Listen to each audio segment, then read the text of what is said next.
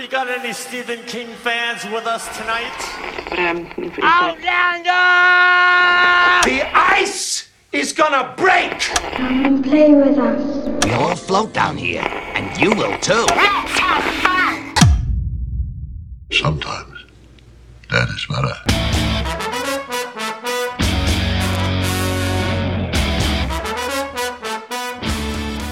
I'm your number one fan. Witamy bardzo serdecznie w kolejnym odcinku podcastu Radio SK. Dzisiaj mówi do Was Hubert Spandowski, czyli Mando i jest ze mną po pierwsze Michał Rakowicz, Jerry. Witam Cię bardzo serdecznie, cześć. Cześć Mando i cześć Randall. Cześć, witam serdecznie. I jest z nami po długiej przerwie Randall. Witamy Randala, cześć. Ba bardzo miło mi gościć ponownie na łamach czy antenie y, Radia SK. E, Wspaniale jest dołączyć, to jest zwłaszcza w takim evencie, który to jest nieco kuriozalny, bym powiedział, prawda, bo upłynęło Eee, sporo nie, czasu, dzień jak co dzień u nas. ale zdarza się, tak. to bym tak, powiedział, że całkiem szybko. No my też w strefie mroku y, nie rozliczyliśmy się jeszcze z podsumowania całej serii. Taki chcemy sobie zrobić odcinek o, o, o najlepszych odcinkach y, w ogóle wszystkich serii i, i tak też się nie rozliczyliśmy, a już prawie, nie wiem, no ponad pół roku minęło. I, i się nie zanosi na to, żeśmy to zrobili, więc tak, roz, rozumiem, rozumiem te, te, te problemy, rozumiem te problemy. U nas serie trwają, bywa i po 10 lat, Mhm. chłopie. Też Mrocznej Wieży jeszcze nie skończyliśmy tak na dobrą sprawę, bo został nam wiatr przez dziurkę od klucza. Tak, nie tak, omówiliśmy Czarnego Domu, a takie Masters of Mhm. Horror, czy u mnie Amerykan, amerykański wampir, to chyba 12 lat seria trwała, także nie jest tak źle, bo dzisiaj będziemy rozmawiać o upiorach XX wieku. Zbiorze opowiadań Joe'ego Hilla z 2005 roku i my nagraliśmy już dwa podcasty o tym w styczniu 2022 i w czerwcu 2022. No to faktycznie nie tak dużo czasu minęło. Tak dużo czasu, myślałem, że więcej, rzeczywiście. Rzeczywiście No wiecie, no półtora roku minęło od czerwca Mhm. prawie. E, no ale, ale to nie, nie, nie jest taki dramat. W samym Radiu SK ukazało się tak naprawdę, to jest już piąty podcast o upiorach XX wieku, bo był jeszcze mój stary i był jeszcze skóry stary. Także jedna książka, a pięć podcastów. Mhm. No i jeszcze wiecie, te podcasty były publikowane w tym czasie. Ja nie wiem, kiedy ten poleci. Może polecieć za pół roku. Ja niektóre po pół roku kiszę na dysku, także różnie może być. Ym, No. I my dzisiaj porozmawiamy o ostatniej partii opowiadań. No dobrze. To wiecie co, zanim przejdziemy do e, tych tekstów, ja wam jeszcze powiem jedną rzecz, bo słuchałem tego w audiobooku. Ten audiobook wyszedł zresztą po naszej pierwszej audycji, na życzenie jakby. I tak jak ja zawsze lubiłem tego lektora, tak tym razem po pierwsze on mi trochę nie leżał. Po drugie, w oryginalnym audiobooku nie są nazwane opowiadania i jest strasznie ciężko się odnaleźć, trzeba klikać dużo. Po trzecie, jest jeden mały babol na koniec, ale to taki babol do sprostowania, bo podziękowania są dwa razy. Tak, Są tak, w osobnym tak, tak. pliku Mhm, i są doklejone też do ostatniego opowiadania, sklejone z plikiem A słuchałeś tego, na, na, na jakiej platformie tego słuchałeś? Na Legimi. Mhm, No bo na, na audiotece są rozdziały y, to tytułowane. Natomiast, Nazwane? Tak, są A, nazwane no patrz. rozdziały, znaczy rozdziały. y, Są nazwane po prostu y, tytuły opowiadań, tak się pojawiają. Jest, jest lista, można sobie No to wybrać. tam nie ma, jest numerek i tytuł zbioru. Aczkolwiek Babel, o którym wspominasz, y, pojawia się również z tym, że e, tu pod y, tytułem tych y, podziękowań, które pojawiają się po raz pierwszy, y, jest druga chyba część tego dobrowolnego zniknięcia. Niejako, nie wiem. No nie tylko, wiem, że to jest sklejone. Jest y, chyba tam z 40 minut dobrowolnego zamknięcia i do tego doklejone są podziękowania, a potem są jeszcze osobno podziękowania No w właśnie, osobnym pliku. No ale to nie jest dramat, dziwne. po prostu, Nie, nie, nie. To, to, po prostu ci się audiobook kończy 20 minut wcześniej niż myślałeś. Nie? niczemu nie szkodzi, aczkolwiek interesującym jest dla mnie fakt, że na tylu platformach to się pojawiło i nikt jakoś y, tego, y, wydaje mi się, że drobnej takiej usterki, którą można bardzo łatwo usunąć. y, No, bo nie to pokupi- moment można poprawić. Mhm, mhm. Jak było kiedyś w grze Geralda y, autorstwa y, Grahama Mastertona Kinga, czy coś takiego, Stephena Mastertona Kinga, to to wyeliminowali, wycięli. No bywa. Ja, ja również sobie odświeżałem y, w formie audio, tak, tak, jak, tak jak ty, bo, bo tak jak powiedziałeś, już trochę czasu upłynęło od tego i, i no nie chcę tutaj naszej pozy pozycjonować już naszy, na mojej opinii, jeżeli chodzi o, o, chodzi o tą resztę opowiadań, natomiast y, y, zdecydowanie gorzej zapamiętałem te opowiadania i dlatego wracając do nich troszeczkę tak czułem się, jakbym na nowo je czytał, większość z nich. No ja y, też sięgnąłem po wersję audio, ale y, chyba podobnie jak to było przy tych wcześniejszych partiach, częściowo w audio, częściowo w papierze i ja niestety jestem dosyć krytyczny co do tej wersji audio. Nie pamiętam do końca co mówiłem, ale ale ona mnie mocno wybija. Ja, ja nie wiem też jakby z czego to wynika, bo mm, ten lektor też mi zawsze raczej leżał w tych książkach, które ja słuchałem z jego udziałem, a tutaj ma jakąś taką dziwaczną manierę czytania tych opowiadań, tych tekstów, że to się po prostu naprawdę źle czyta i ja w którymś momencie to już odłożyłem po prostu tego audiobooka i kończyłem w papierze, bo, bo mnie to najzwyczajniej w świecie irytowało i mnie wybijało, a jeszcze te opowiadania mm, są jakie są, to, to w sensie, że one często są takie raczej stonowane, obyczajowe i tak dalej, i tak dalej. No i ta czytania, taka, no, ta, ta maniera czytania to, to, to jeszcze mm. mi po prostu tylko powodowała, że jeszcze się bardziej wybijałem z lektury. Wiecie co, ja mam tutaj wrażenie, że, że w warstwie narracyjnej jest ok ten lektor, natomiast w momencie, kiedy interpretuje y, dialogi, to, to, to trochę, nie wiem, no, tak jakby nie czuł tych postaci kompletnie. One, moim zdaniem, te, te postaci nie, nie, nie, w taki sposób by się wyrażały. Mówimy o słowach, które zostały zapisane, stworzone przez, przez Joe Hilla i przetłumaczone na język polski, natomiast on tu nie czuje tych postaci. On czasami, y, nie wiem, no, miałem wrażenie, że, że kompletnie przestrzelił aktorsko tutaj, nie? Że, że on się stara oczywiście i, i, i widać, że to jest naprawdę zaangażowany i, i bardzo utalentowany aktor, natomiast wydaje mi się, że on tutaj nie poczuł tych, tych postaci i troszeczkę źle je interpretuje w wielu miejscach. Natomiast zasygnalizowałeś już, że zapamiętałeś te opowiadania gorzej i trochę lepiej, teraz je odebrałeś. U mnie jest e, zupełnie odwrotnie. E, niestety to trzecie podejście do upiorów XX wieku zmieniło mi trochę patrzenie na tę książkę, którą do tej pory ja wychwalałem bardzo, bardzo, bardzo mocno. A tutaj te trzy podcasty jeszcze na początku starałem się w pierwszym e, widzieć dużo pozytywów, ale tak z każdym tym, z każdą tą naszą audycją coraz -hmm. mniej i powiem wam, że ten zestaw, co mamy dzisiaj, to Mm, no, no jest, jest ciężki, jest ciężki, to, to zaraz do tego przejdziemy. Nie? dość mocno. E, bo ja też będę chciał to jakoś skomentować na koniec, e, ale to mówię, to zostawmy podsumowanie, żebyśmy tutaj za dużo mm -hmm. nie spoilerowali i idźmy do martwych drzew, czy martwego drzewa. Martwe drzewo, jedno. E, ja nie jestem w stanie streścić tego tekstu, nie rozumiem go. To jest mhm. bardzo krótkie opowiadanie. Ja je przesłuchałem te 2-3 dni temu, jak zacząłem słuchać te partie pod ten podcast i dzisiaj, no kilka godzin przed nagraniem, tak sobie wyszedłem po zakupy, bo jutro święto mamy, więc musiałem zrobić duże zakupy. Tak sobie myślę, ja, ja totalnie nie pamiętam, co tam było, nie? Więc w sumie, jak jestem na zakupach, to sobie włączę jeszcze raz. Byłem w Biedronce, nie zdążyłem przejść obok stoiska z warzywami, które jest na wejściu. Jak mi się się to opowiadanie skończyło i ja nadal nie wiem, o czym ono jest. To jest dosłownie kilka minut o drzewach i narrator mówi, że ściął drzewo w swoim ogródku i teraz wieje i tyle. Nie, to jest, to jest impresja, to jest opowiadanie impresja, ono w papierze ma dwie strony y, i ono w zasadzie wychodzi od y, mm, takiego pomysłu, że drzewa także mogą powrócić jako duchy. No i, i ten narrator sugeruje, że ściął drzewo, które mu się kojarzyło z e, pewną konkretną postacią, osobą z jego życia. No i właśnie na końcu mamy taką sugestię, że być może wiatr, który wieje, to nie jest e, po prostu wiatr, tylko to jest właśnie to widmowe drzewo. I no, to nie, my niewiele jesteśmy w stanie powiedzieć, no bo mówię, no dla mnie to jest po prostu dosłownie to, co powiedziałem na początku takiego sformułowania użyłem bardzo świadomie impresja, bo to jest taka, ta, ta, taka anegdotka, to jest takie opowiadanie, które mm, no po prostu w ramach y, takiego jakiegoś, nie wiem, mini przykładu ćwiczenia intelektualnego mo można by coś takiego zaserwować, no ale no ale to, to nawet trudno to nazwać pełnoprawnym opowiadaniem. Tym bardziej, że to nawet to ukryte opowiadanie w podziękowaniach jest dłuższe. No, to taka z mojej perspektywy wprawka liryczna. Ja, ja nie jestem aż takim ogromnym admiratorem y, talentów poetyckich y, rodziny Kingów. Jak wszyscy tutaj w tym gronie. Znaczy, nie, no tu troszeczkę zweryfikowałem swoje poglądy na ten temat, ale tutaj no, nikt mi to kompletnie też nie, nie siadło, podobnie jak wam panowie. No, ja, ja uważam, że y, to jest taka troszeczkę abstrakcja, troszeczkę taki, tak jak wspomniał Jerry, impresja na, na, na, na temat właśnie pewnego konceptu, nie? który tutaj no, no jest jako jest. No taka, tak, taki troszeczkę interakt. Dla nas jest to o tyle, o tyle kiepskie, powiedziałbym, y, bo zaczynamy, prawda? Wracamy do tego zbioru i to jest takie rozpoczęcie, nie?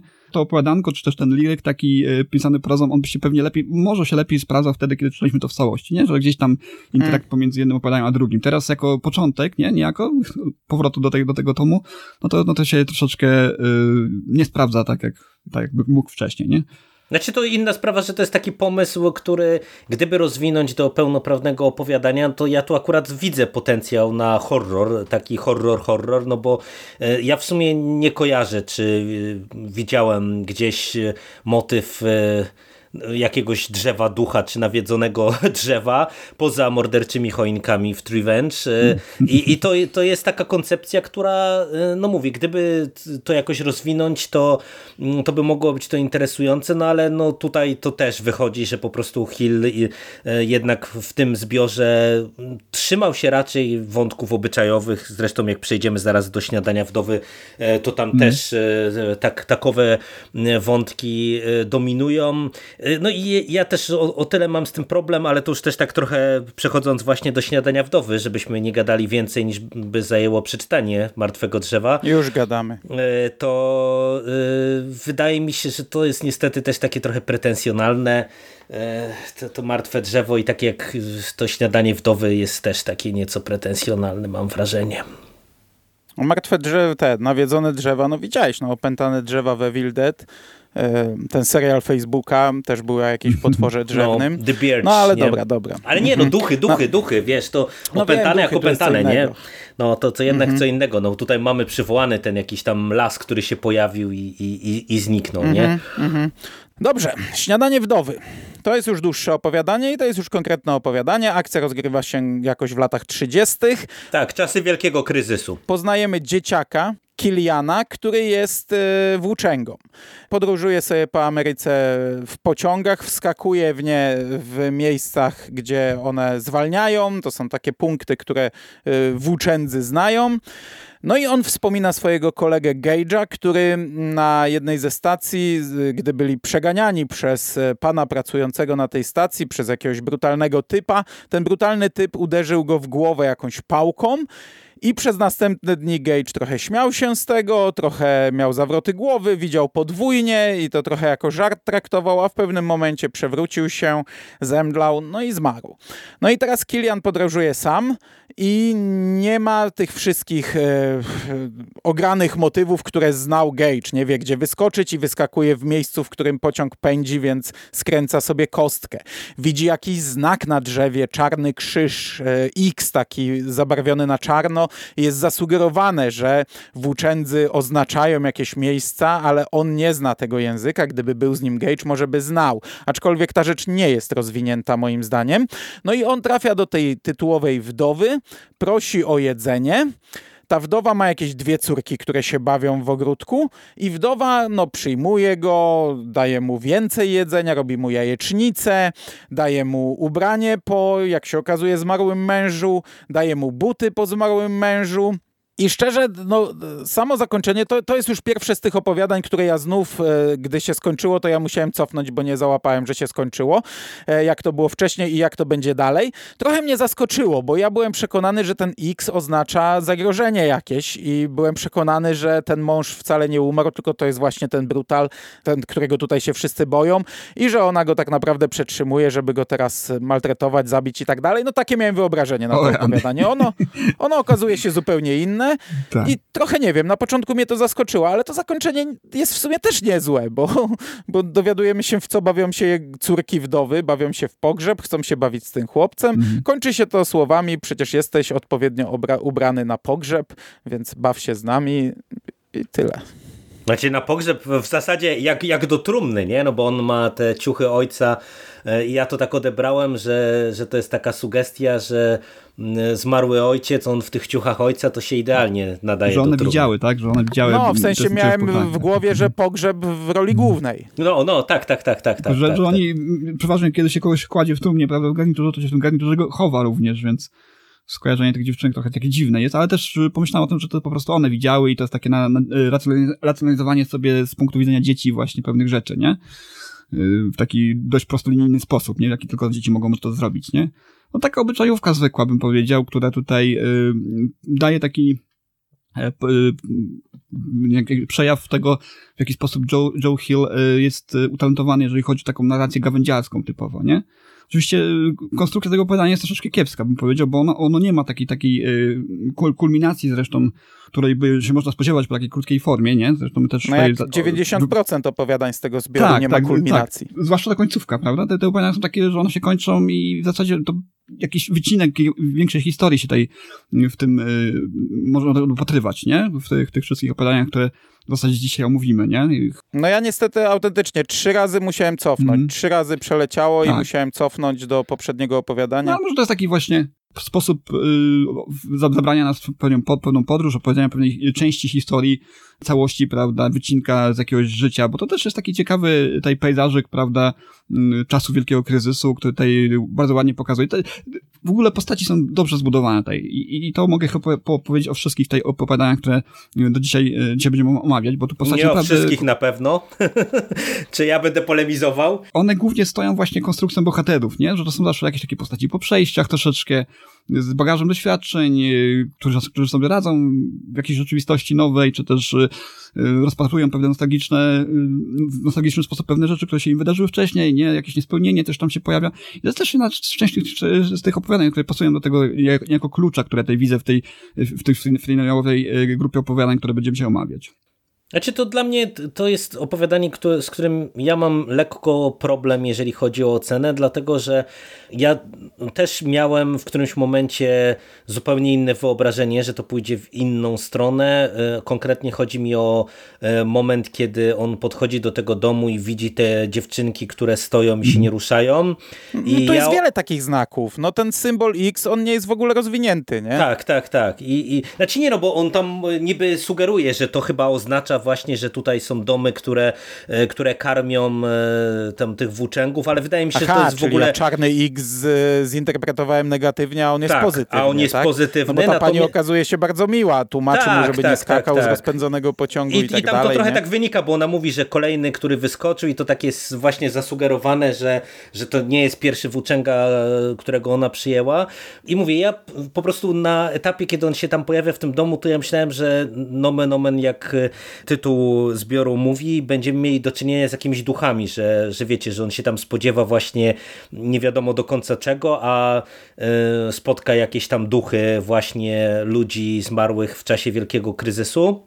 I to, co dostałem, dla mnie jest akurat w porządku, dlatego że to jest takie opowiadanie, które jest trochę jak taki, nie wiem, ciepła herbata zimą, w tym sensie, że ono jest takie, mm. takie ma być ma być takie milutkie, nie? Że, że wiecie, że mamy tego zagubionego chłopaka, mamy te czasy wielkiego kryzysu, mamy przysłowiową taką biblijną wdowę, która się ostatnim wdowym, wdowim groszem e, z nim dzieli I, i to jest dla mnie jakby tak czytało mi się to ok, jakieś tam właśnie takie dosyć ciepłe emocje we mnie wywołało, natomiast e, no ja mam wrażenie, że mimo wszystko to jest kolejny tekst, który pokazuje, że mamy mm, do czynienia ze zbiorem młodego pisarza, e, no bo ja mam wrażenie, że właśnie dla Hilla ten, te, to takie ostatnie zdanie, wiecie, to takie pociągnięcie pędzlem jest dużo ważniejsze niż doprowadzenie tych historii do jakiejś puenty, no bo tak jak wspominaliście, no to ten tekst w zasadzie nie ma specjalnie początku i nie ma w zasadzie specjalnie końca, no to jest po prostu jak wyrywek z jakiejś powieści, to, to by można było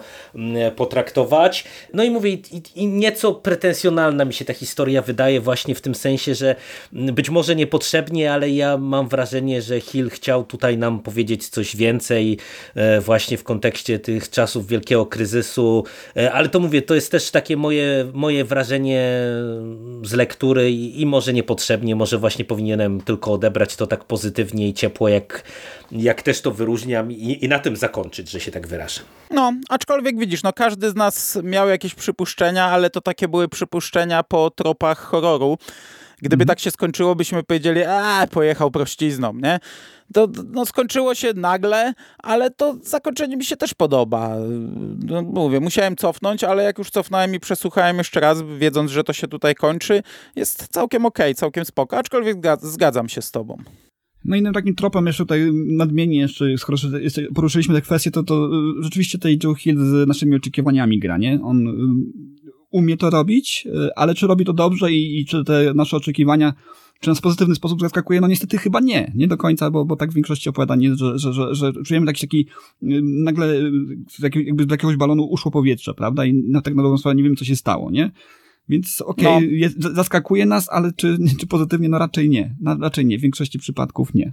No bo to jest trochę pytanie y, o, ja bym powiedział nawet filozoficzne, o e, naturę czy cel opowiadania. No bo ja mam wrażenie, że czasem są opowiadania, które po prostu mają nam przekazać konkretną historię, mają wywołać w nas jakieś konkretne emocje, a mówię, a tutaj część opowiadań e, w tym zbiorze, no to są teksty, które dosłownie mają nas doprowadzić do jakiejś ostatniej linijki tekstu, która ma być y, takim no, zdaniem trochę pewnie jak w Mrocznej Wieży u Kinga, które wszyscy sobie zapamiętamy i będą z tym opowiadaniem kojarzyć i tu, tu nie ma właśnie jakiejś historii, nie ma tu jakiejś mm, nie wiem, opowieści, nie ma tu jakichś ukrytych zdarzeń, al, albo mówię, Hill trochę markuje, że mają być, a ich nie ma, no albo ja ich nie czuję przynajmniej. Nie? I, I dlatego też wydaje mi się, że mamy ten dysonans i takie lekkie rozczarowanie w finale, bo y, tak y, ogólnie brzmimy mocno negatywnie, a ja wam powiem, że to z tej piątki, szóstki w zasadzie, licząc to ukryte opowiadanie opowiadań, to jest dla mnie opowiadanie numer dwa.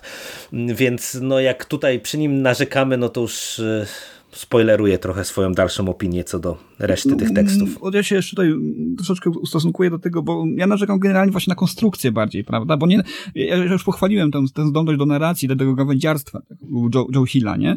Więc to mi się podoba, to mi się nadal podoba i podkreślę jeszcze raz, konstrukcja postaci w tym opowiadaniu i w innych, które... Jestem ciekaw, które, które, które Jeremu nie przypadły do gustu, postaci, zaraz do tego dojdziemy, natomiast tu w tym opowiadaniu naprawdę one są w tak krótkim opowiadaniu dość dobrze nakreślone też, wszyscy bohaterowie. No nie liczę tych dziewczynek, ale tam też pewien kontekst się pojawia, nie, jeżeli chodzi o, nie, o nie.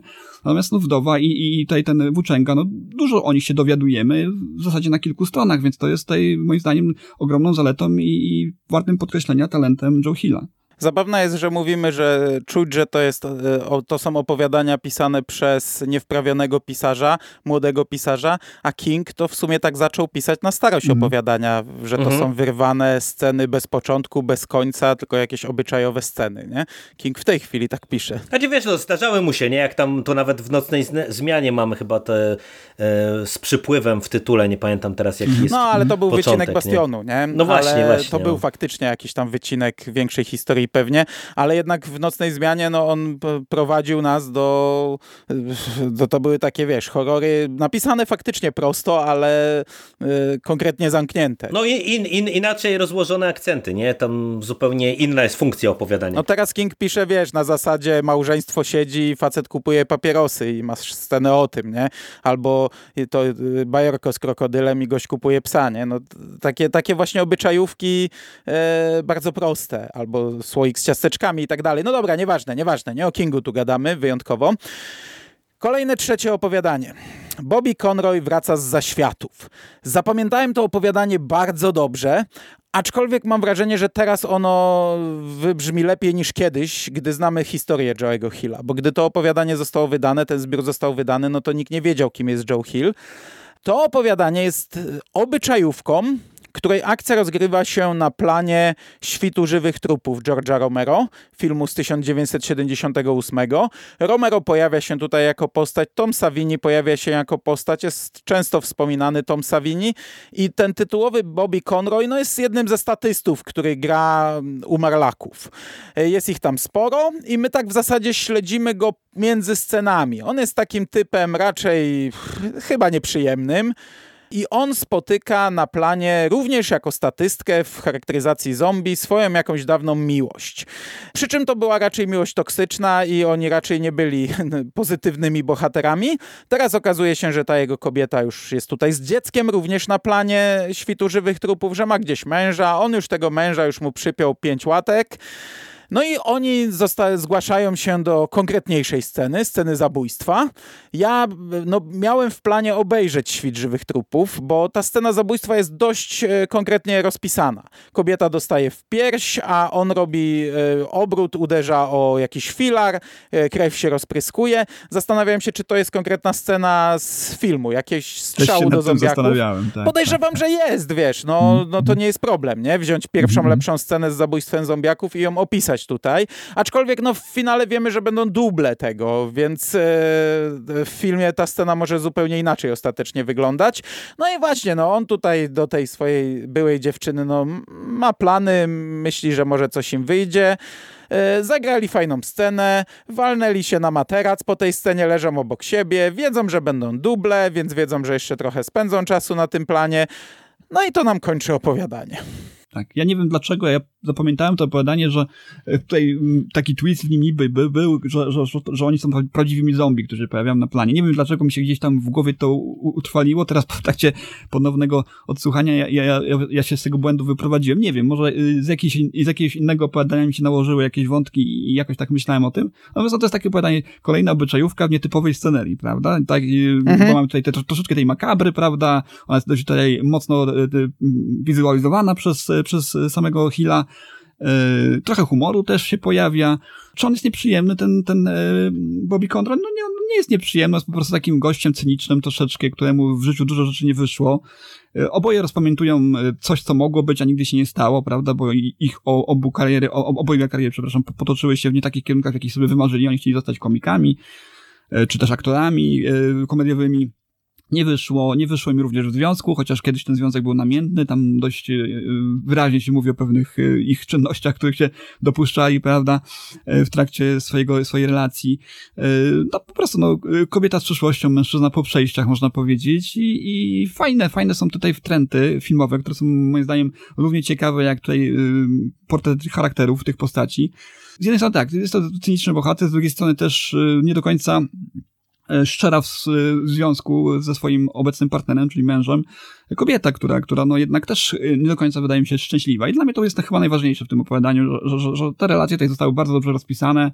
Nawet ta jego złośliwość, przytyki, które on robi w stosunku do, do obecnego męża, no z czegoś wypływają i wiesz, ja, nie mówię, że się utożsamiam z, takiego, z takim bohaterem i że, ja, że, że ja miałem takie przejścia w życiu, bo nie miałem. Natomiast y, rozumiem, że na pewnym etapie życia ludzie rozpatrują pewne y, problemy i wybory, które dokonali i niekoniecznie są e, skłonni, żeby obwinić samych siebie za, za, za te wybory, tylko po prostu jakieś okoliczności, prawda? I to taki właśnie, w którymś momencie właśnie ten, ten tego cynizm, y, który pojawia się, to jest takie właśnie upuszczenie troszeczkę tego, tej, tej złośliwości, tego, tego, tej, tej złości, którą powinien skierować w stosunku do siebie na, na postronnego gościa, który, którym jest tutaj mąż, mąż tej kobiety. No i mam też wątek dziecka, prawda, chłopczyka, e, który tutaj jest e, dość interesujący, bo, bo tej e, Bobby zastanawia się, czy przypadkiem nie jest jego dziecko, tam sobie na to oblicza i, i, i barwę włosów, prawda, porównuje jej oczu, czy to przypadkiem nie jest jego synek i tak dalej. No, i no jest nieprzyjemny też jest e, wątek, prawda, z tymi paluszkami, które tam w wyniku nieszczęśliwego wypadku e, chłopiec stracił. I tu też e,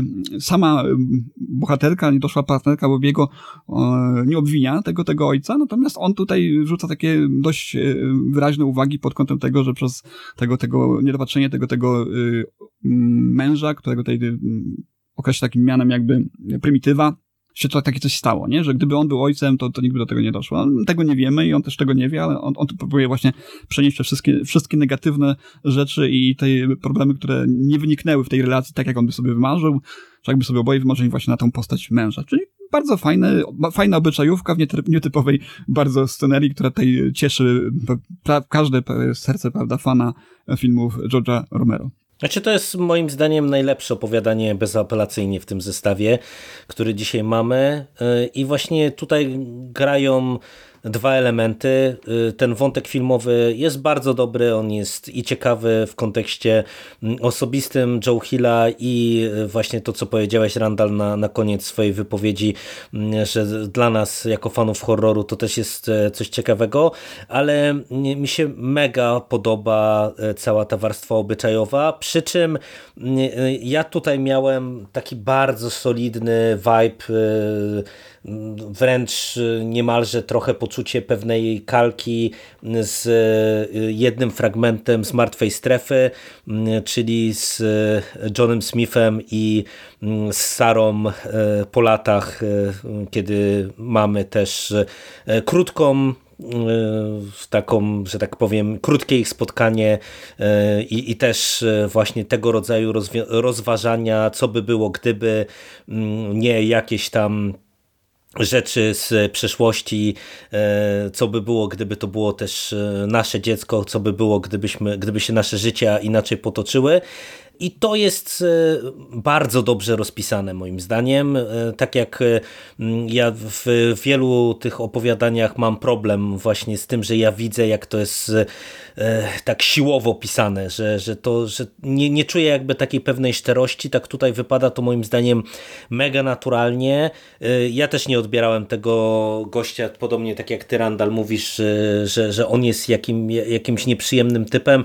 Raczej po prostu to wynikało z tego jego charakteru i mm, z tego takiego cyniczno-cierpkiego, nieco wulgarnego poczucia humoru, który chyba było wspólne e, obojgu tak, tak, tak. tych głównych bohaterów i, i, i wydaje mi się, że to, to może dlatego ten vibe taki trochę mm, dostawaliśmy tutaj, e, ale właśnie wydaje mi się, że tutaj mega dobrze udało się Hillowi złapać taki, taki moment takiej refleksji, nie? gdzie no, to, to nie jest kwestia tego, że czy, czy my osobiście coś takiego przeżyliśmy, czy nie, ale wydaje mi się, że to jest bardzo ludzkie. Y, takie... Bardzo uniwersalne, nie? Tak, tak bardzo, bardzo mm. uniwersalne, dokładnie, bo to nawet nie chodzi o, o podobne relacje, nie? to nie musi być kwestia relacji romantycznej, nie? tylko to jest czasami tak, że nie wiem, że dochodzi do jakiejś sytuacji w naszym życiu i człowiek się zaczyna zastanawiać, że właśnie, a gdyby się coś tam potoczyło inaczej, to teraz bylibyśmy w innym miejscu, miejscu robilibyśmy coś innego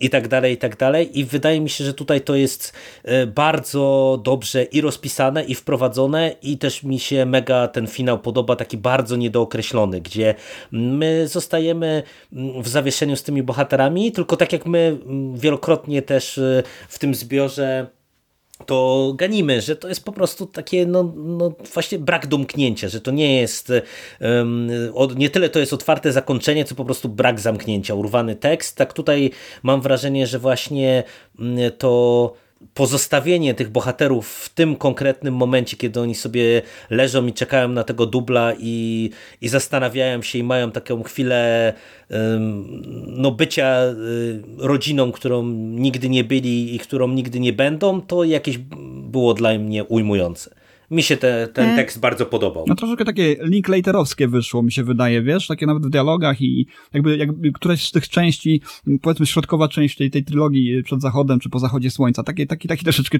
czułem tutaj mhm. vibe Linklatera na planie u Romero. Aczkolwiek i tak musiałem cofnąć, bo nie załapałem, że się skończyło, mm. ale to może zbyt szybkie przejścia, e, nie wiem. Natomiast ja powiedziałem, że negatywny bohater, ale nie, nawet nie tyle negatywny, niezbyt miły, no bo to nie jest negatywna postać. No, ja nie miałem skojarzeń akurat z Johnem Smithem, ale tak jak mówisz, to może faktycznie, tylko że tam to wszystko było inaczej zupełnie. No, no tak, tak, tak. To, to, to I sam wiadomo, Johnny nie? był inny, nie? A tutaj jednak, no tak jak Randall wymienia, no to zrzuca na karp tego ojca to, tamto, w ogóle nie zna człowieka, a już e, przykleił mu wszystkie możliwe łatki, ale z drugiej strony ja to rozumiem, no ja sam jestem przecież pozytywnym człowiekiem, a jakbym spotkał się ze swoją jakąś dawną miłością, to pewnie też e, wszystko co najgorsze bym jej mężowi przypisał od razu w swojej głowie. E, no, także to rozumiem. Natomiast mnie się tutaj mega podoba właśnie ta autobiograficzna mm, e, warstwa. No bo tak jak mówię, gdy ten zbiór został wydany, no to nie wiedzieliśmy, kim jest Joe Hill. Ludzie na świecie nie wiedzieli, bo my jak w Polsce go dostaliśmy, to już wiedzieliśmy. Ale nawet jak ja go czytałem pierwszy raz, to jeszcze nie znałem historii Joe'ego Hilla. No wiedziałem, że on jako dziecko wystąpił u Romero w Creepshow, ale to tyle, nie? Bo tak naprawdę Joe Hill zaczął o tym opowiadać dopiero kilka lat temu przy serialu Creepshow i opisał to we wstępie do Gazu do Dechy, do tego ostatniego zbioru. No jako, jakim dla niego autorytetem był Tom Savini, że ten tydzień w dzieciństwie spędzony z Tomem Savinim jako opiekunką, to w zasadzie zmienił jego życie i ukierunkował go, nie? Także tutaj to mi się teraz czytając to mega podobało, że jako młody pisarz napisał opowiadanie i gdzieś tam oddał, nie? Y, się w pozytywnym, y, zresztą nawet nieważne, czy w pozytywnym, czy w jakim, nie? Umieścił go jak i Saviniego, i Romero, ale głównie Saviniego jako postać poboczną, ale y, kilka razy do, o nim opowiadał, odnosił się do tego, nawet o, o, tych kurtkach jeansowych i o tym, że na planie jest dużo motocyklistów. O tym też Joe Hill opowiada w swoim życiu, nie? Że to go fascynowało, że facet w czarnej kurtce jeansowej, w butach, w glanach się nim zajmował i robili razem makabryczne rzeczy, nie? w sensie Joe Hill patrzał, a on robił. Nie? Także teraz jak czytałem to opowiadanie, to już tak z, jeszcze z, powiedzmy z większą wiedzą na temat e, tego tygodnia na planie Creepshow i tutaj też mamy dziecko na planie, nie? więc to, to, to, bardzo mi się podobała ta część. Także ja to opowiadanie też e, wysoko e, stawiam. No to teraz na drugi biegun. No to teraz zejdziemy nisko. Może Randall będzie tutaj w kontrze, ale my jako ludzie... Może ja może zacznę, bo pewnie nie będę w kontrze. Dziwne opowiadanie, Maska mojego ojca. Ja, ja tutaj nie wiedziałem. Ja powinienem streścić zmierza. najpierw kolego drogi. Tak, to może, może, może, może streść. Może będzie streść, mi bardzo a... ciężko streścić, więc w dwóch zdaniach. Maska mojego ojca opowiada o rodzinie, e, chłopaczku, matce i chyba ojcu, aczkolwiek tak, ojciec też z nimi. E, jadą nad jakieś jezioro. Mówią nam, że jacyś ludzie z kart ich ścigają. Nad mhm. tym jeziorem jest dom pełen masek. E, rodzina zaczyna chodzić w maskach. Chłopak gdzieś tam wychodzi i gra w karty z kimś. No z jakimiś dzieciakami spotkanymi w lesie, tak. nie? I potem wracają, a matka mówi mu, żeby zapomniał, że jego ojciec kiedykolwiek istniał, pomyśl, że umarł przed twoim urodzeniem. Wszystko to jest ten taki, takie takie magiczne, dziwne, takie niejednoznaczne, nieoczywiste, coś, co do mnie totalnie nie trafia. Trochę takie Twin Peaks, nie? Można by powiedzieć. Taki, trochę, trochę, trochę taki lincz, nie? E, tej wyszedł, ale no, wydaje mi się, znaczy ja klucz do tego podania znalazłem taki, że, że po prostu coś tu poszło nie tak w tej rodzinie, prawda? Ojciec e, wpędził się w jakieś długi, problemy ma z jakimiś ludźmi, nie wiem. No czy, tak, czy to... tak, też tak, to Natomiast, też tak e, i, I w finale, no, widzimy wyraźnie, że, że tam dochodzi do jakiejś transakcji, która prawdopodobnie sprzedaje albo jego na narządy, albo do jakichś perwersyjnych yy, zabaw jakiejś, jakiejś grupy ludzi, no trudno powiedzieć tak na sprawę, czyli, czyli tu wątek poświęcenia jakiegoś wchodzi, aczkolwiek pomiędzy tymi, tymi dwoma y, biegunami mamy jakieś takie właśnie wydarzenia, które wspomniałeś, które są dziwne, które tutaj trudno interpretować, bo niby ich ścigają jacyś ludzie od karty, natomiast później spotykają, spotykają chłopiec dzieci po wyprawie, przy wyprawie po drewno, spotyka dzieci, które grają w karty, czy, czy, czyli tak jakby ich znaleźli już ci ludzie ka od kart. Nie wiem, trudno mi to powiedzieć. No i te, mnie tu najbardziej raziły te wszystkie perwersyjne jakieś takie wtręty, prawda, y, wręcz powiedziałbym e, kaziroczcze wręcz, nie? W, którymś, w niektórych momentach co, y, nie lubię tego, nie, nie lubię tego typu rzeczy i mnie to zawsze, mnie to zawsze razi. Wydaje mi się, że tutaj może Hill nie przekroczył pewnej granicy, ale już był bardzo nie blisko przekroczenia. Mnie, mnie, mnie, to, mnie to mocno raziło w tym opowiadaniu. No, sama jego dziwność, no, wydaje mi się, że w rękach jakiegoś sprawnego reżysera może rzeczywiście być z tego coś fajnego kiedyś, jeżeli ktoś zdecyduje się nakręcić jakiś film na, na, na, na podstawie tego opowiadania. No myślę, że nie, nie dla mnie raczej nie, nie to, to raczej nie, nie trafi e, myślę pod ekranizację, bo to jest w mojej opinii zwyczajnie nędzne opowiadanie i to jest właśnie takie siłowe, e, bardzo pretensjonalne, bardzo mm, silące się na jakieś takie mm, surrealistyczne przedstawienie nam pewnych rzeczy.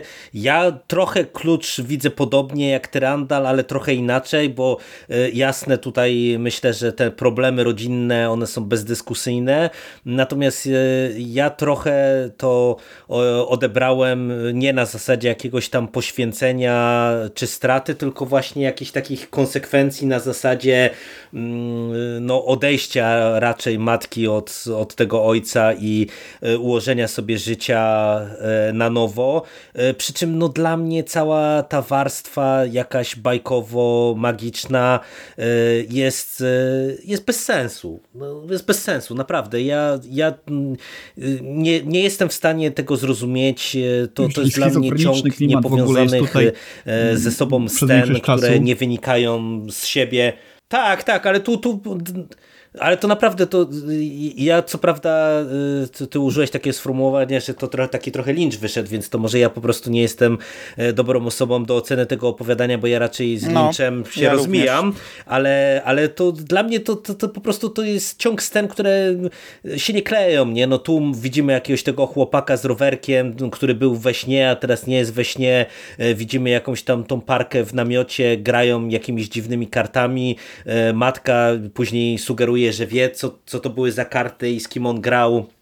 E, I, i, I to jest wszystko takie, no mówię, no ciąg jakichś scenek bez znaczenia, bez dla mnie sensu, e, a do tego mówię jeszcze ta pretensjonalność, bo ten wątek masek, jak ja jeszcze na końcu zobaczyłem, że ta matka mówi, synku tak, załóż maskę i może ci, widzę, że ci się spodobało chodzenie w masce i on tam mm, zakłada właśnie tą maskę ojca i, i, i tak jakby docenia, czy jest taki zafascynowany, że ma nową twarz, to tak się, za głowę się złapałem, nie? To na, naprawdę naprawdę. To, to, jakby to, to jakiś dzieciak pisał, naprawdę, nie? Jest tu sporo scen, które w oddzieleniu od całości grają ale mają horrorowy potencjał, nie? Jest, jest tu kilka takich scen, wspomniałem o tych właśnie dziwnym zachowaniu rodziców, ja myślałem że oni są jacyś, wiesz, odbiło im po prostu, mówiąc kolokwialnie, i, i ten dzieciak właśnie z nimi jest ściągany gdzieś tam i, i wplątany w jakąś taką kabałę z tego powodu, że są nie, nie, nie, no, rozumu ci rodzice że przeżywają jakieś załamanie psychiczne, ale to nie było to. Potem te wątki kazirodcze, potem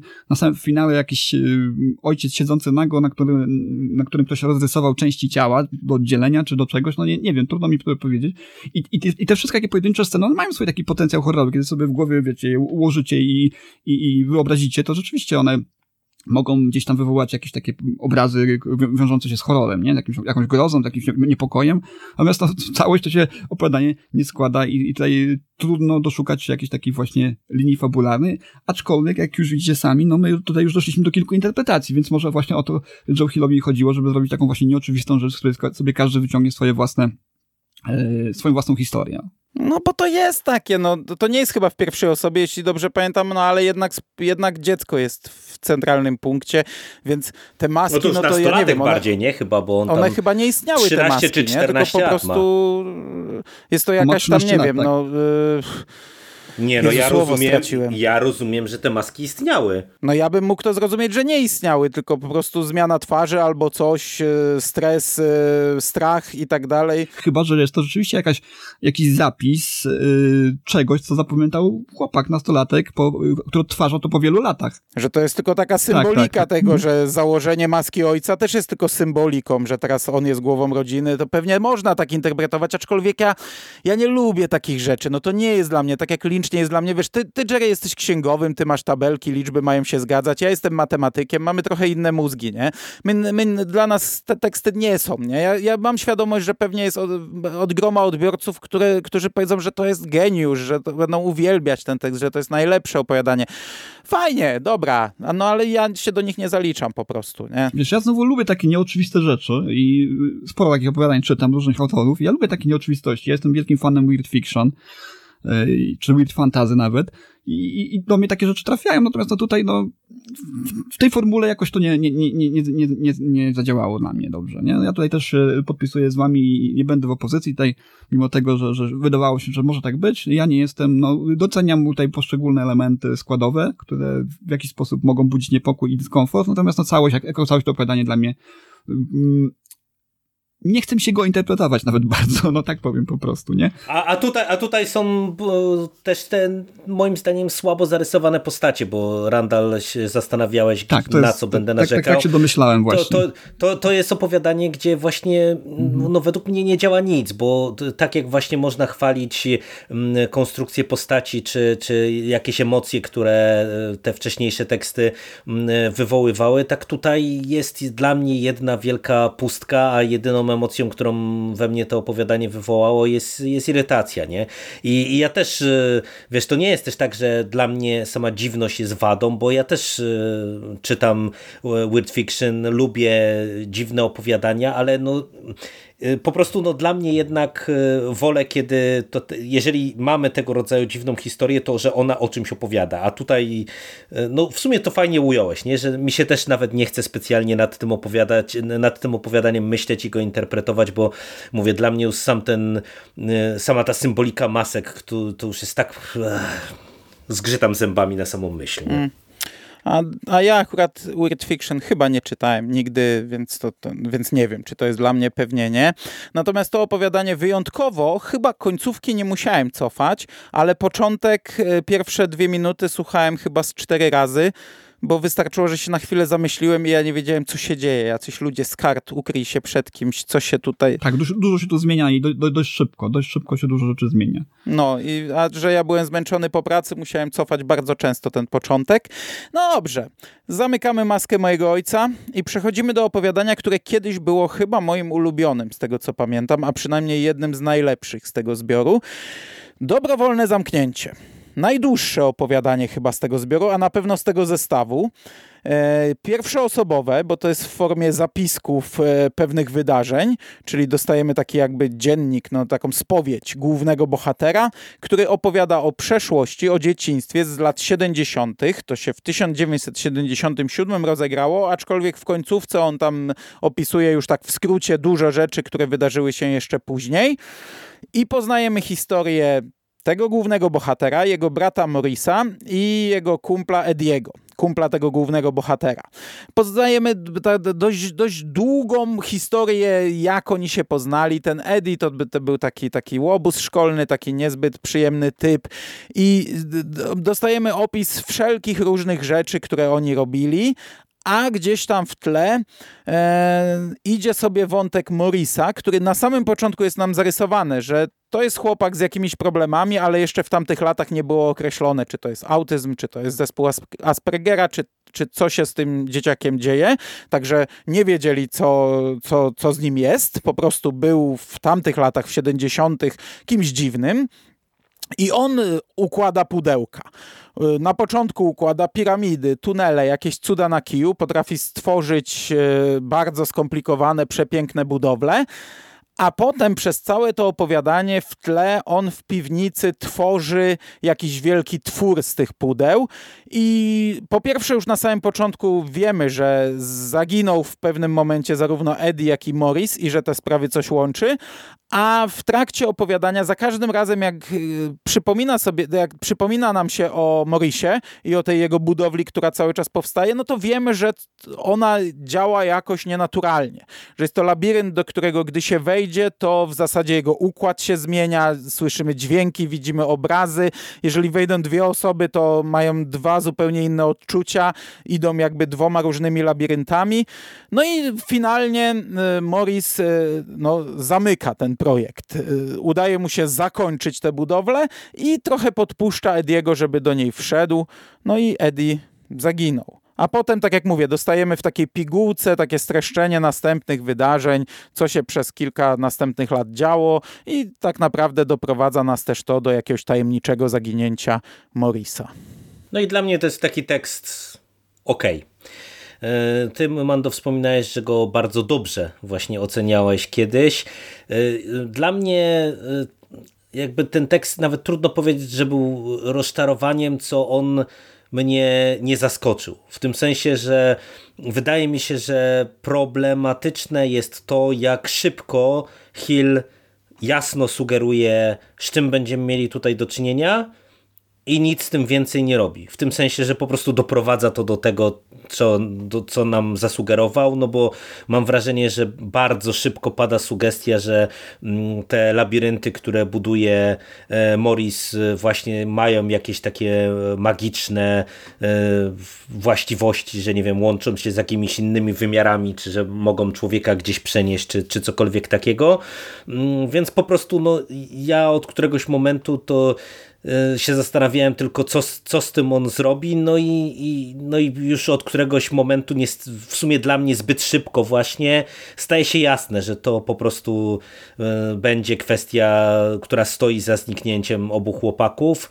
Mm, no i tyle, no generalnie okej, okay. no tak y, rozpisane to jest dosyć kompetentnie, mm, ta, ta historia pod kątem emocji, ona była dla mnie taka raczej właśnie z tych nieprzyjemnych, czy wywołujących nieprzyjemne emocje, no bo jednak to, to zdarzenie, do którego doszło, które się staje katalizatorem tych y, zniknięć, czy tego zniknięcia głównego, y, no to jest raczej z gatunku tych nieprzyjemnych,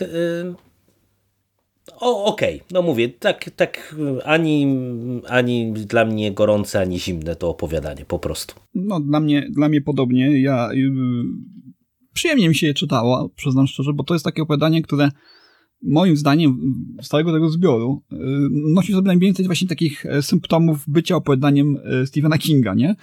Mamy tego utalentowanego chłopca, który tam e, oprócz tego, że, że no, ma problemy jakieś emocjonalne, czy też właśnie jest autykiem, to, to mamy dodatkowo tutaj sugestie, znaczy sugestie, no, wyraźnie powiedziane, że, że on tworzy właśnie jakieś międzywymiarowe tunele i, i tutaj właśnie się to tak rozgrywa. Moim zdaniem jest za długie to opowiadanie. Nie wiem, czy, czy też nie, odnieśli, nie odnieśliście takiego wrażenia, że, że na ten pomysł, yy, który ma znaczy, potencjał... No to wrażenie moim zdaniem miałeś właśnie dlatego, że po prostu bardzo szybko się dowiadujemy, mm. jaki będzie finałowy twist. No, no więc... No. no i właśnie ten Morris schodzi w tło, nie? A potem dostajemy różne, długą opowieść o zakumplowaniu się z łobuzem i sam ten główny bohater, no on też nie jest tak do końca przyjemny, on tam no zrozumiałe, no, no dorasta bierny, w trochę ciężkiej sytuacji. I dlatego się go tak Ale wiesz, też się śledzi. wkurza na to, że na mhm. przykład e, gdy Morris zaczyna budować, to mu biją brawo, no to też jest trochę zrozumiałe, bo to są jednak no, pewnie trudne tej, dorastanie. Zresztą tutaj było w pelerynie no, już ale mieliśmy ten problem podnoszony w... wcześniej w tym, w tym, w tym zbiorze, mhm. takiej braterskiej zazdrości.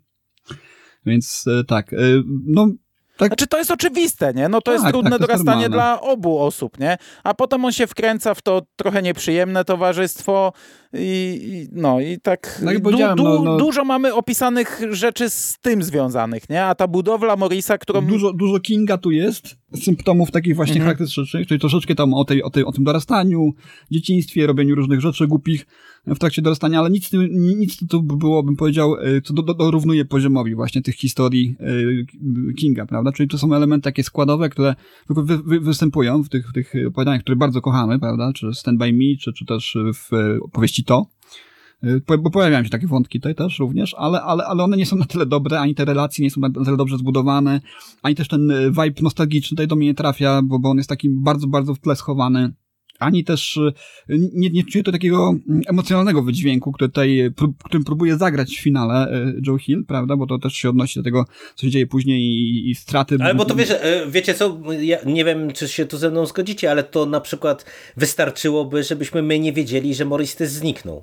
Mhm. Tylko gdyby, byśmy, gdybyśmy mieli informację właśnie, że on był taką osobą e, za życia i na przykład właśnie, nie wiem, że udał się do, do tego zakładu zamkniętego dobrowolnie, no, no i tyle. Gdybyśmy my nie mieli tej puenty w zasadzie na początku opowiadania, no bo w tym momencie, no to te, te szczególnie, nie wiem, tam ostatnie 10-15 stron, które właśnie nam dają taką szybką przebieżkę po tych późniejszych wydarzeniach, no to one mają zerowe napięcie, no bo my przecież wiemy, to jest tak oczywiste, że Morris zniknął w labiryncie mm. zbudowanym przez siebie, że to, to po prostu to nie ma prawa zaskoczyć, a przez to, to nie ma nie prawa pada wybrzmieć. Na koniec już, nie? No to tak, nie pada tak. na koniec nawet, no bo pada. to padło na początku. No tak, na początku tak. narrator mówi, że no wiem, że te dwa wydarzenia są ze sobą powiązane. No dokładnie, no i dlatego nie? to mówię, no wydaje mi się, że to nie powinno być tak e, rozpisane, bo, bo po prostu niestety te emocje nie grają tak, jak, jak tak. powinny, nie? Zgadzam się, zgadzam się totalnie. Tutaj dla, dla mnie troszeczkę zabrakło takiego balansu pomiędzy y,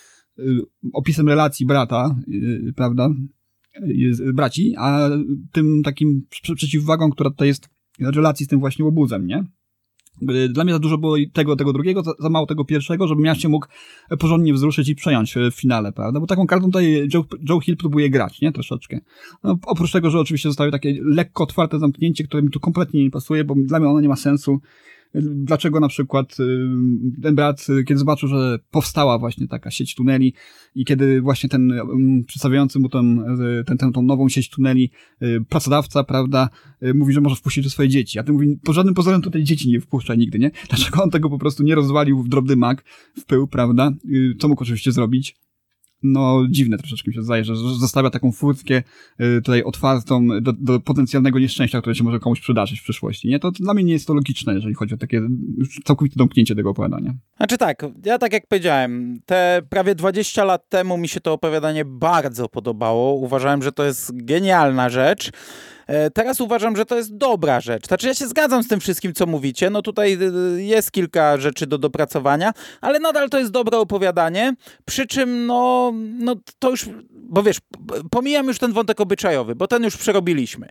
Ale ten motyw budowania tuneli to jest fajna rzecz, tylko to już na mnie nie robi żadnego wrażenia, nie? No bo to to jest jednak i oczywiste tu od początku i już trochę takich rzeczy czytałem i trochę takich rzeczy widziałem, także tutaj też widzę, że to jest jednak młody pisarz i do młodszego czytelnika pewnie trafi to opowiadanie lepiej.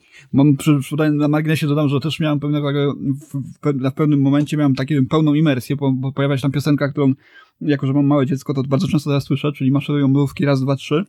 Ona, ona tam w książce jest inaczej e, przetłumaczona, natomiast rzeczywiście w tych momentach, kiedy, kiedy pojawia się ten wątek, to, to słyszałem tą piosenkę rzeczywiście dobiegającą gdzieś tam z któregoś z tych światów, e, które, do których prowadziły tunele e, tutaj Morisa. No dobrze. To się rozliczyliśmy z podstawowym zestawem. Natomiast na koniec dostajemy podziękowania to są raczej krótkie podziękowania. Hill dziękuję tam kilku osobom, między innymi również małym wydawnictwom, bo ten zbiór opowiadań ukazał się oryginalnie w Wielkiej Brytanii w małym wydawnictwie. E, dziękuję Richardowi Chismerowi z Cemetery Dance, co też jest małym wydawnictwem i robi w sumie dość ciekawą rzecz. E, ukrywa w podziękowaniach opowiadanie, informując nas dokładnie, że podziękuje im w formie opowiadania. To opowiadanie nosi tytuł Maszyna do pisania Szeherezady.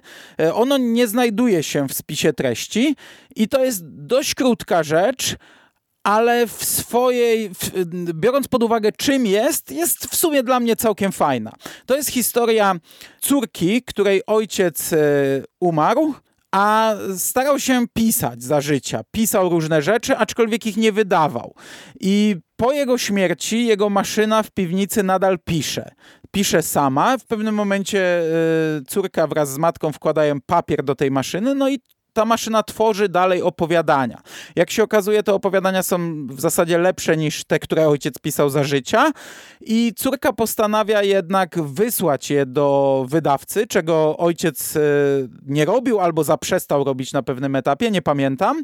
No i te opowiadania ukazują się drukiem i jest bardzo wyraźnie podkreślone, że wydało to malutkie wydawnictwo, które zdecydowało się postawić na nieznanego nowego pisarza, bo wszyscy duży gracze duzi gracze mówili, że nie ma miejsca na rynku wydawniczym na nieznanego pisarza, który chce wydać zbiór opowiadań, więc wydało to małe wydawnictwo, ale jako, że to ktoś opowiada na te, nam tę historię i ją zasłyszał, to on nie wie, co to było za wydawnictwo, nie wie, co to był za pisarz, jak się nazywał i nie wie, co to jest za książka, ale dostajemy taką informację na koniec, że istnieje tak cudowna rzecz wydana w niszowym, małym nakładzie przez małe wydawnictwo i to jest właśnie takie opowiadanie i według mnie w tej, wiedząc czym jest ten tekst, ja go oceniam całkiem nieźle. Gdyby to był tekst w zbiorze opowiadań, to e, to, to cię nie zna. Ale jako, że to jest podziękowanie dla małych wydawców, dla ludzi, którzy mu pomogli, to jest bardzo fajne podziękowanie. Bardzo fajny tekst. Ja tu nic, nic kompletnie nie dodam do tego, co powiedziałeś. znaczy, mogę, mogę się pod tym podpisać. Tak, tak, tak. No, takie ghost story, znowu z elementem charakterystycznym dla, dla prozy Kingów, e, czyli nawiedzonym sprzętem, e, troszkę tam jakiś e, pobrzmiewał vibe edytora tekstu, ale mieliśmy już takie opowiadania, nawet y, zdaje się w strefie mroku mieliśmy taki odcinek o takim sprzęcie nawiedzonym. Y, fajnym elementem to jest to, że, że mimo tego, że jest sprzęt nawiedzony, to on też ulega zużyciu i w pewnym momencie przestaje działać, y, psuje się, prawda, no bo to mechaniczne mm. części, to, to, to tutaj fajny, fajny taki smaczek, bo wiadomo, no, takim nadprzyrodzonym, prawda, czy nawiedzonym sprzętem czasami yy, przypisuje się pewną taką, nie wiem, no, niezniszczalność, prawda, czy też długowieczność, a tutaj z prostych przyczyn się po prostu zużyły części i już nie dało się tego naprawić, mimo tego, że był to przedmiot prowiniencji, prawda, nadnaturalnej w jakimś tam stopniu. Tak jest. No i uważam, że Joe Hill naprawdę zrobił coś fajnego. E, w taki sposób dziękując e, małym graczom. Tak, bo nikt nie czyta podziękowań. Nie wiem, nie wiem jak to u was jest. Ja, ja, ja nie czytam podziękowań e, zazwyczaj. Ja też zwykle nie czytam. No. no. I to tym bardziej. Nieukryte opowiadanie w bloku, którego wielu czytelników nie czyta. Tak. No, dobrze. To co? Krótkie podsumowanie dzisiejszego segmentu e, bo tak jak ja wam pisałem prywatnie przed nagraniem, ja na pewno nie czuję się na siłach, żeby e, tu wybierać jakieś najlepsze, najgorsze opowiadanie, ale, ale mogę skomentować ewentualnie całość tego zbioru, jeżeli w takie coś się chcemy pobawić. No możemy, ja mogę krótko. Uważam że nadal, że było nieźle. Znaczy nawet momentami bardzo dobrze. Tutaj były bardzo dobre opowiadania. E, no takie pop art, wiem, że nie mamy wymieniać, było bardzo dobrym opowiadaniem. W tym nie, konkretnym jak pamiętacie, zbiorze... to wy wymieniajcie, nie, nie, wymieniajcie. nie, nie, nie, nie, nie, błysnąłem jednym tytułem. ja mam również problemy. W tym konkretnym zestawie, no raczej trochę mnie zawiódł. No Bobby Conroy był spoko, dobrowolne zamknięcie dla mnie też było spoko, ale to w zasadzie tyle. I ja wam powiem tak podsumowując, że ja trochę żałuję, że ten zbiór przeczytałem, bo do tej pory ja go wychwalałem pod niebiosa. Ja mówiłem, że to jest świetna rzecz, że to jest niesamowity zbiór. Trochę też tak mam z Nocną Zmianą Kinga. Jak do niej Mm. wracam po latach, to widzę więcej bubli niż kiedyś widziałem. prostu Kiedyś to też był dla mnie geniusz. Muszę przyznać. I wiesz, gdy omawialiśmy Gaz do Dechy, to ja wydaje mi się, że często podkreślałem, że to jest dobry zbiór, ale to nie są upiory XX wieku. Upiory XX wieku to był zbiór. Ten jest tylko dobry, tamten był genialny. No niestety te trzy podcasty, te trzy nasze y, zderzenia z tym zbiorem tak stopniowo, stopniowo, powoli mnie uświadamiały, że to nie jest tak dobry zbiór, jak zapamiętałem. On jest, on jest niezły, ale tu jest jednak dużo rzeczy, które które są no, nie, nie dla mnie i, i dużo rzeczy, które no, wydaje mi się, że teraz Joe Hill napisałby lepiej. No tak, ja się ograniczę może do wyboru z tych y, ostatnio omawianych. Y, Jeżeli ktoś będzie chciał poznać moją opinię, której na, na temat pozostałych, to przyznam szczerze, że nie pamiętam już dokładnie większości opowiadań. Y, Czarny, czarny telefon to się, to się oczywiście zapisało z wiadomych przyczyn w głowie. Natomiast no z tych to opowiadań, które dzisiaj mówiliśmy, to zdecydowanie Bobby Conroy wraca ze światów, bo, bo, bo jest to fajny pomysł na stworzenie pewnego rodzaju historii obyczajowej, lekko naznaczonej jakimś tam wątkiem, lekko romantycznym, bym powiedział. E, zwłaszcza dla ludzi, nie wiem, no panowie chyba się zgodzicie w naszym wieku, że to w jakiś sposób tak mocniej trafia. Chyba w twoim. No i reszta, no dobro, dobrowolne zamknięcie. Fajny taki pomysł jest ok, ale, ale no za długie opowiadanie. Rzeczywiście, rzeczywiście ten potencjał mógłby być wyczerpany trochę w krótszym tekście i, i też by było dobrze. Więc, więc to takie, takie tutaj ode mnie, to jakby podsumowanie tej ostatniej naszej części. No a ja krótko o całym zbiorze. Ja przyznam się, że dla mnie upiory XX wieku to jest niestety rozczarowanie. No bo ty miałeś też napompowany balonik. Tak, ja miałem To napompowany ja na balonik, tak, ty go, ty go pompowałeś, nie, nie będę ukrywał, że ty go też, też się przyczyniłeś do tego rozczarowania na bank E, i ja pamiętam, że ja już byłem e, ch- chyba najbardziej krytyczny z naszej trójki w tych wcześniejszych podcastach E, i niestety ja uważam, że to nie jest specjalnie dobry zbiór i ja trochę nie rozumiem, jakim cudem on dostał e, Bram Stoker Award, e, bo mm, Okej, tu jest y, kilka tekstów, które ja pamiętam, że, że były ok.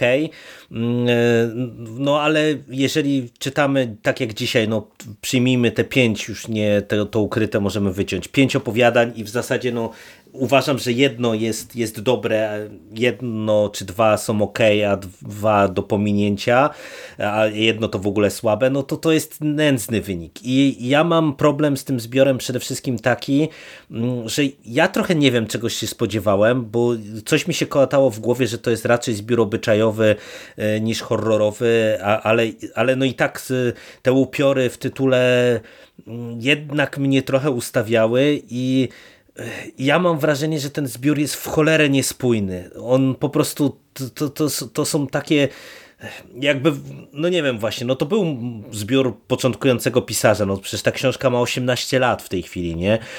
Ale ja to trochę bardziej odbieram jak takie właśnie wprawki pisarza, który szuka swojej drogi i dlatego mamy tu trochę bardziej horrorowe, tu trochę bardziej obyczajowe, tu bardziej jakieś fantazy, tu bardziej jakieś coś surrealistycznego i ja powiem otwarcie, że y, ja się cieszę, że przeczytałem ten zbiór jako, ostatnią książkę Hilla, bo gdybym przeczytał y, zbiór y, Upiory XX wieku na dzień dobry z Hillem, to, to mogłoby być na do widzenia również.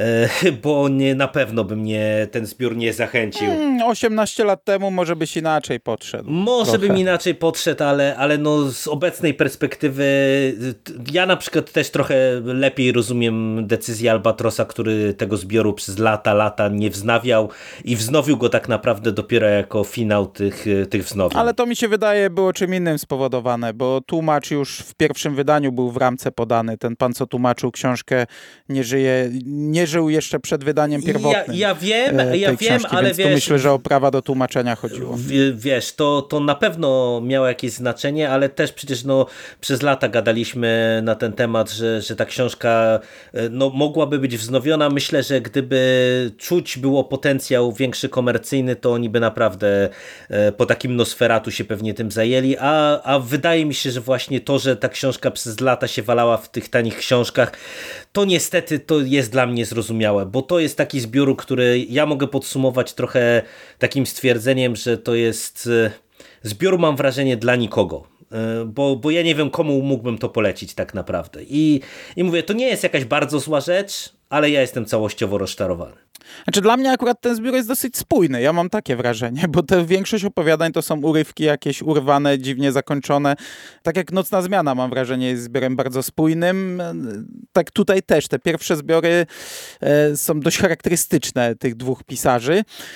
I ja nadal, no ja nie będę tak źle oceniał. Ja uważam, że to jest dobry zbiór, tylko po prostu no mój napompowany balonik po pierwszej lekturze no trochę pękł, nie? No i dlatego trochę żałuję, że to przeczytałem. A z drugiej strony no nie będę już teraz wychwalał wszędzie na lewo i prawo, będę trochę inaczej o tej książce mówił. No, ja, ja tu nie powiem, że, że, że rozczarowany jestem, bo, bo jakąś tam przyjemność i i, i kilka konceptów to jest tych opowiadań mi się spodobały. Podkreślaliście to niejednokrotnie, że jest to zbiór początkującego pisarza i tutaj też um, za pomysły, bo mógłbym dać naprawdę wysoką ocenę, natomiast no, za samą egzekucję i konstrukcję niektórych opowiadań no, już takiej wysokiej nie, nie? Natomiast ten talent gawędziarski i, i ten gen właśnie Kinga tutaj już był wyraźnie widoczny. No my mamy, z tej perspektywy oceniamy, że my wiemy, prawda, kim jest ten pisarz kim, od samego początku praktycznie, kiedy się zaczęły ukazywać jego książki w języku polskim, więc nam to też troszeczkę łatwiej przychodzi, a, ale, ale mimo wszystko, no, totalne rozczarowanie, może bym nie powiedział. Kilka opowiadań znudziło mnie tu, kilka rozczarowało konstrukcją, ale ogólnie ten styl pisania jego mi się bardzo, bardzo podoba i, i dla mnie nadal chylę czapkę z głowy, że, że na takim poziomie Niektóre z tych opowieści, jeżeli chodzi o sam styl pisarski, u młodego pisarza są, więc tutaj to, totalnie yy, myślę, że polecę. No, powinniście jednak spróbować tego zbioru, prawda? Bo, bo nie dowiecie się tego, dopóki nie sprawdzicie, nie? Aczkolwiek po, po naszych trzech mhm. nagraniach spoilerowych to już tutaj nie wiem, czy, czy ktoś jeszcze sięgnie. No, to, to jest taka właśnie yy, pa, paradoks, paradoks tego typu podcastów, prawda? I polecanek. No, a pamiętam w, we wstępie do Gazu do Dechy Hill chyba o tym trochę pisze, że to nie była dla niego łatwa droga, że u niego pisarstwo to nie było tak jak e, u Stephena Kinga, że wiesz, pomyśli o scenie, usiądzie do maszyny i za 20 minut ma mhm. pół powieści napisane, nie? Że to jednak była ciężka przeprawa i te opowiadania powstawały z męką i one były długo pisane chyba i, i też chyba z pomocą trochę. Nie pamiętam już tego wstępu, ale on tam dosyć fajnie pisze o tych swoich początkach że owszem, dorastał w takim domu, był otoczony pisarzami, którzy się tam przewijali, był otoczony rozmowa, rozmowami o książkach, ale e, wcale mu to łatwo jakoś mm. nie przychodziło i nie wychodziło. No to co? Kończymy, panowie. No to kończymy, panowie. I wracamy do Mrocznej Wieży i do Czarnego Domu. Widzisz, tak przypomniałeś, ani jednej, ani drugiej książki nie czytałem, więc to w sumie no ja to jest naprawdę dobry plan. Ja Czarny Dom powtórzyłem hmm. prawie do końca po talizmanie, ale z przyjemnością jeszcze no ja raz powtórzę. Nie wrócę do, do Czarnego Domu. Nie pykło. Wiatr przez dziurkę od klucza też przesłuchałem prawie cały po naszym siódmym tomie, ale też jakoś się nie zebraliśmy. No ale ja chętnie do tego też wrócę. U mnie to nie jest problem wracać do Kinga. Zbliżają się długie jesienne wieczory, to może się, może się nam uda w końcu omówić te, te, te dwie rzeczy. Chętnie tutaj się już, już troszeczkę wpraszam, jeżeli można, to, to oczywiście bardzo chętnie wrócę do lektury i, i bo już dawno temu czytałem Czarny Dom i z ubolewaniem, no niestety wypatruję tego, tego obiecanego wieńczącego tomu, ale chyba się już nie doczekamy z wiadomych przyczyn. Chociaż, kto wie. Nie, teraz jestem bardziej nastawiony, że się doczekamy trzeciego niż wcześniej, No tak. bo, bo ostatnio tam jakieś informacje o tym padły. Czasem jest trudniej, czasem jest łatwiej po śmierci autora. No nie wiem, nie wiem, jak tam daleko zaawansowana jest praca i współpraca była nad tymi tomami. No ciekaw jestem. No dobrze, panowie, no to jesteśmy umówieni, słyszymy się za dwa lata. E, natomiast za dzisiejszą dyskusję dziękuję wam bardzo Dziękujemy. Dziękuję serdecznie i pozdrawiam wszystkich słuchaczy Radia SK. i do usłyszenia w przyszłości. Cześć. Cześć. Cześć.